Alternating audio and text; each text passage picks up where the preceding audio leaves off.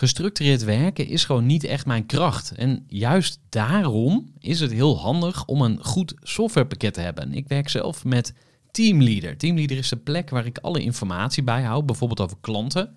Waarin ik offertes maak en verstuur en die digitaal laat ondertekenen. Waarin ik facturen verstuur, waarin ik lijstjes bijhoud, waarin ik projecten kan managen, waarin ik standaard e-mails kan programmeren. Kortom, ik gebruik Teamleader om alle werkprocessen van mijn bedrijf te stroomlijnen. En zeker ook als je met een team werkt, is het heel fijn om over dezelfde informatie te beschikken.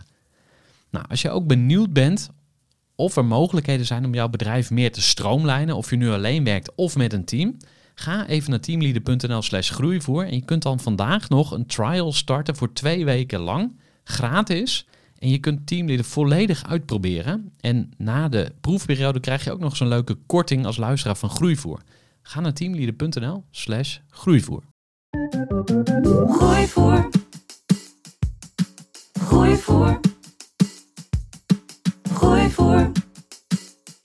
Zoek je inzicht, inspiratie voor je eigen bedrijf. Wil je elke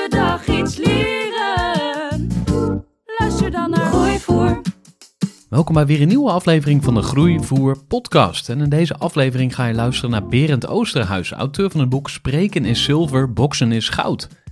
En het grappige is dat de manier waarop je bokst heel veel zegt over ja, hoe je bent en wie je bent en ook hoe je onderneemt. En in zijn boek legt Berend die link tussen vechtsporten aan de ene kant en ja, het dagelijks leven, de praktijk en ook jouw leven als ondernemer aan de andere kant. Misschien ben je wel te angstig, te afwachtend of juist heel aanvallend, misschien zelfs wel te dominant. Nou, die link gaat Berend Oosterhuis in deze aflevering leggen.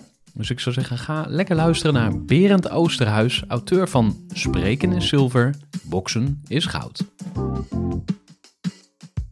Voor de kennis en ideeën van een interessante gast. Die zijn verhaal met jou wil Ik ben Berend Oosterhuis, directeur van Boxcoaching. Ik ben eh, 35 jaar. Ik woon in Zwolle, getrouwd met Annemarie. Ik zeg wel eens voor de grap, eh, ik ben alles geworden wat ik nooit wilde zijn. Dus ik heb een jongetje en een meisje, een hoekhuis in de Phoenixwijk en een stationcar.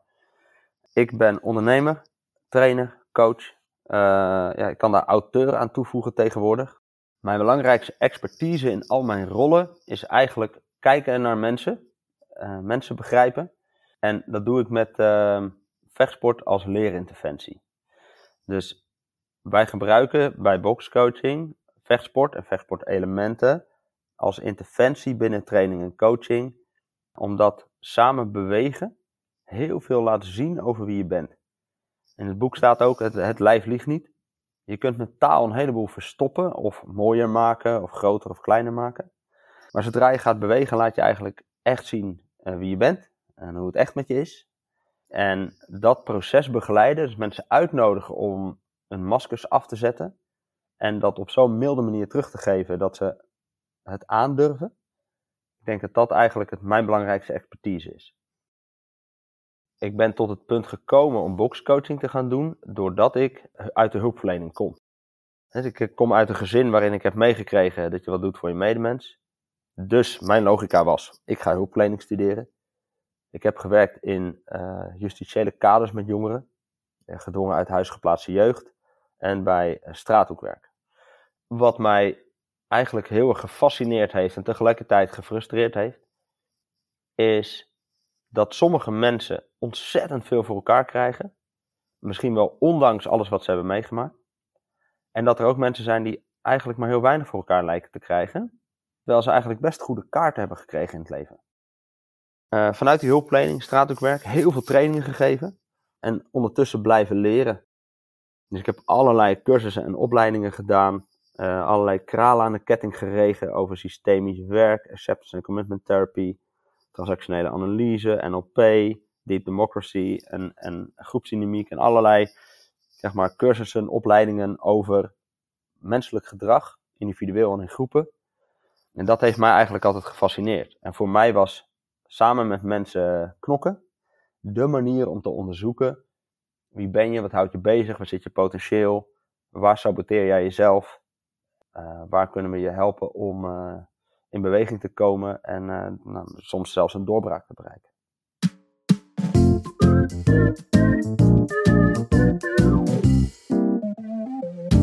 Ik heb dus uiteindelijk een boek geschreven. Dat heet Spreken is zilver, boksen is goud.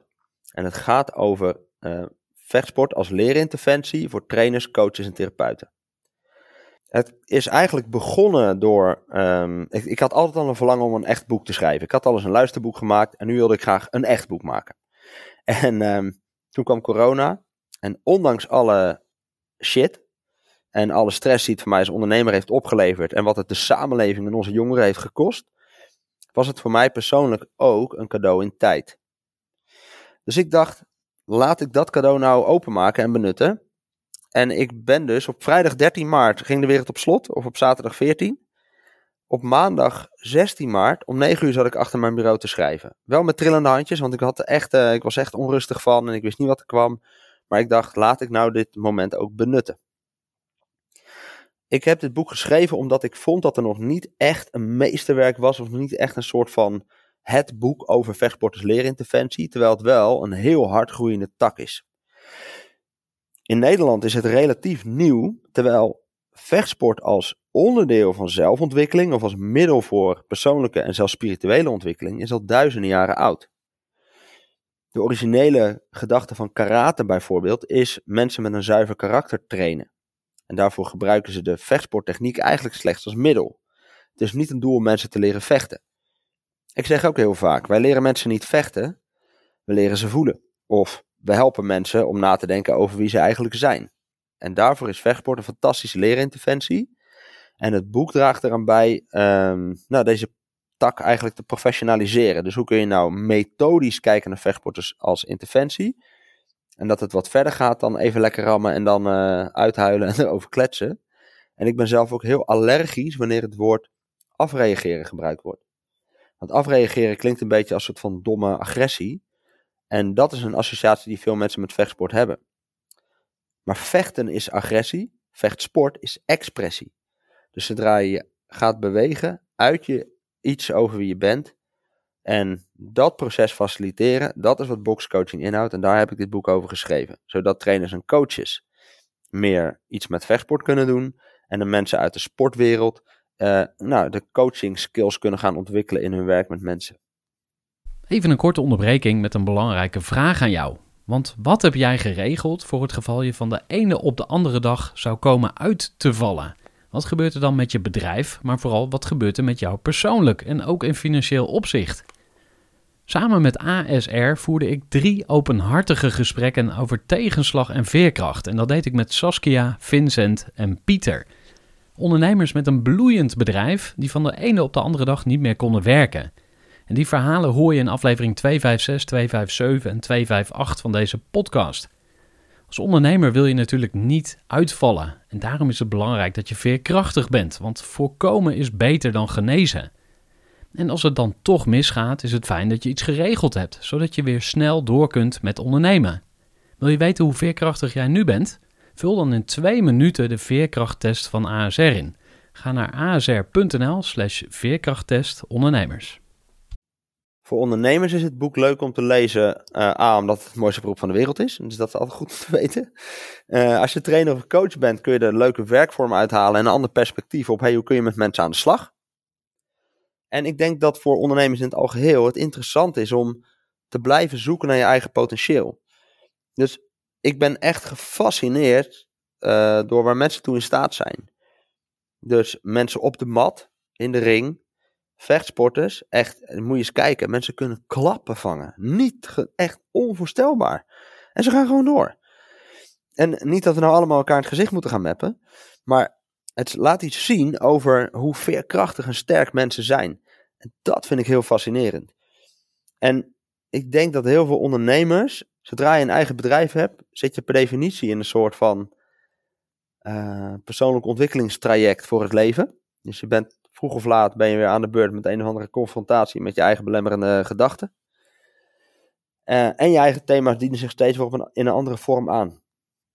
En eigenlijk is vechtsport een heel mooie vorm waarin je mensen hun eigen thema's kunt teruggeven. Dus ik denk ook dat iedereen die dit leest wat dingen van zichzelf herkent. Um, En als ondernemer, ja, ik gun elke ondernemer een beetje vechtlust. En vechtlust is echt iets heel anders dan agressie. Het specifieke aan vechtsport en ondernemerschap is denk ik het beste uit te leggen aan de hand van onze kernwaarden. Dat is balans, focus, impact. En kijk maar, elke beginnende bokser, ehm, die wil graag hard slaan. Die, die gaan een knijpen in hun vuist, een harde ram verkopen. Dus ze beginnen bij impact. En daarmee brengen ze zichzelf uit balans en hebben ze totaal geen focus. Als je begint bij balans, heb ik bijvoorbeeld balans tussen inspanning en ontspanning. Is er balans tussen geven en nemen? Hoeveel geef ik als mens aan mijn bedrijf en hoeveel geeft mijn bedrijf mij terug? Hoeveel vraag ik van mijn gezin door ondernemer te zijn?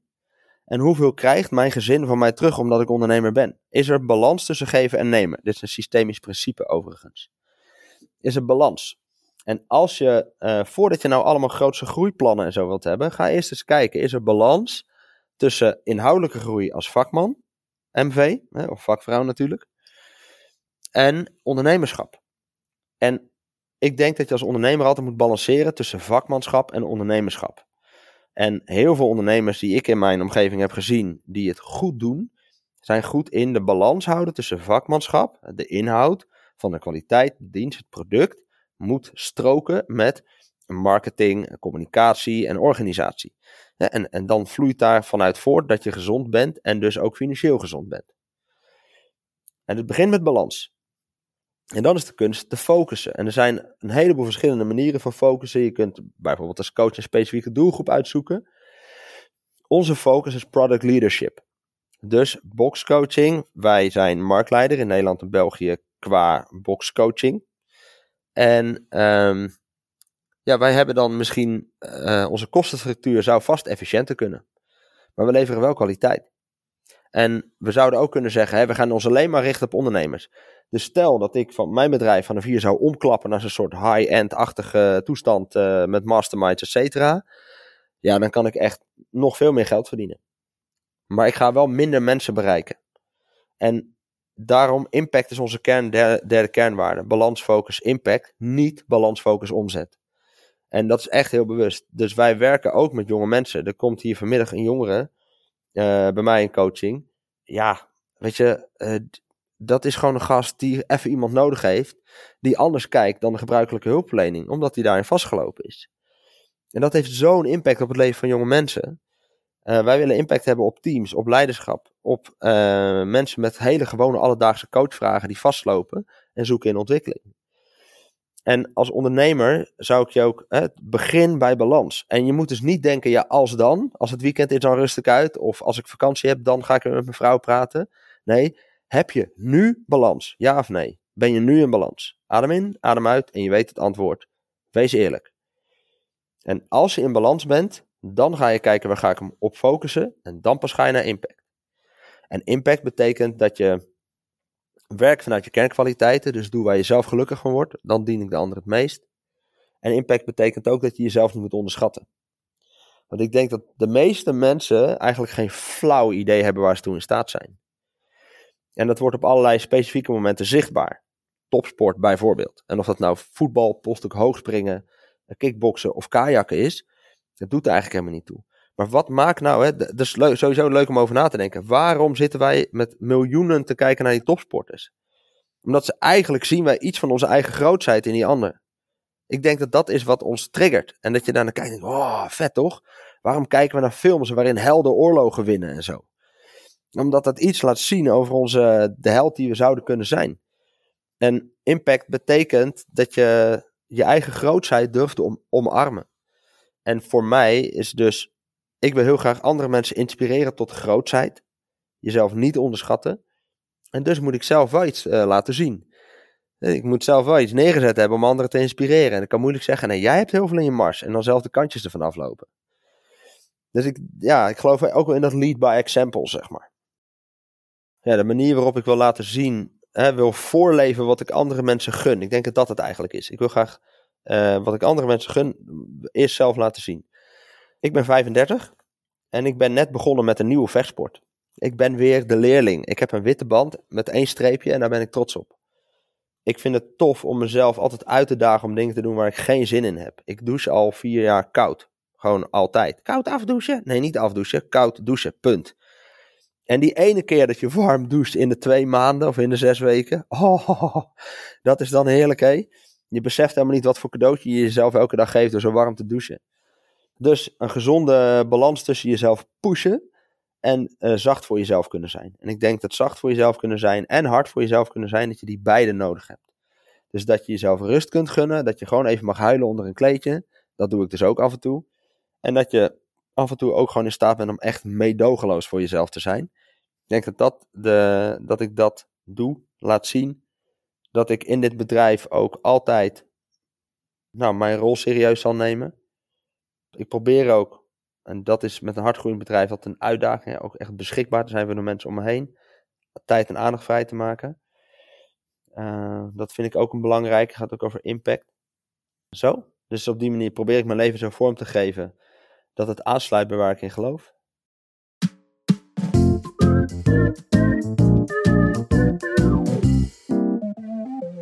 Als je als ondernemer zou houden aan de volgorde balans, focus, impact, dan denk ik dat je de kwalitatief betere keuzes maakt.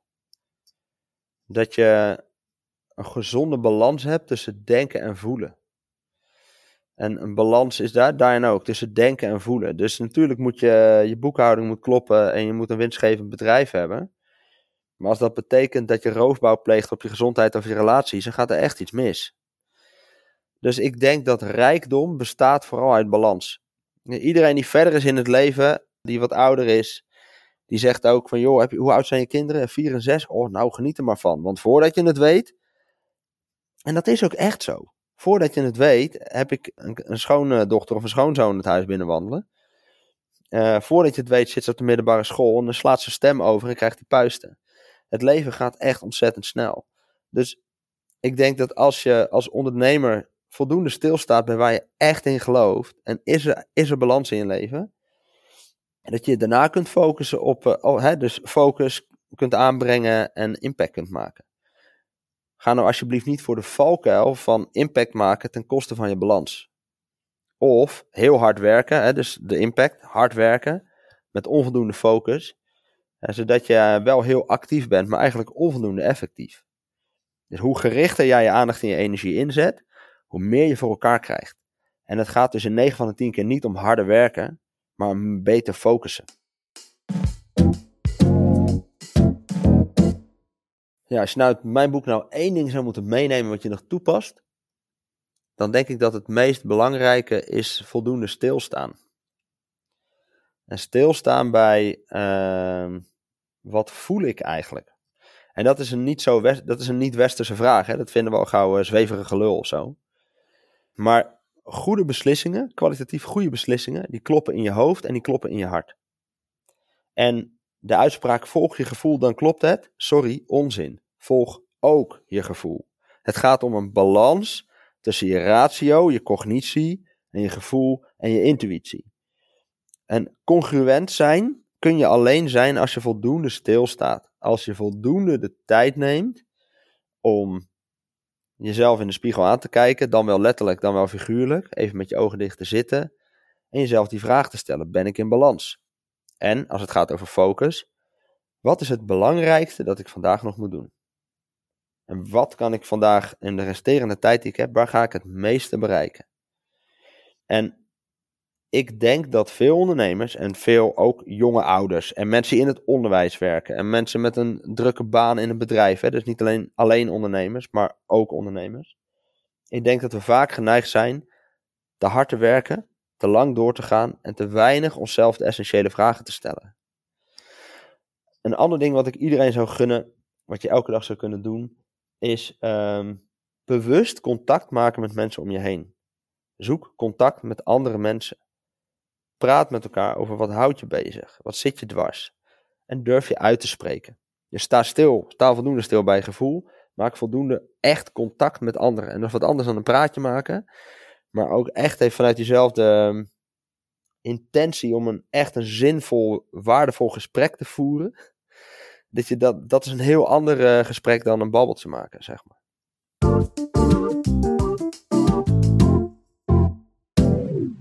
Wat ik graag nog als laatste zou willen meegeven, is dat heel veel gedachten zijn pas waar als je ze volgt.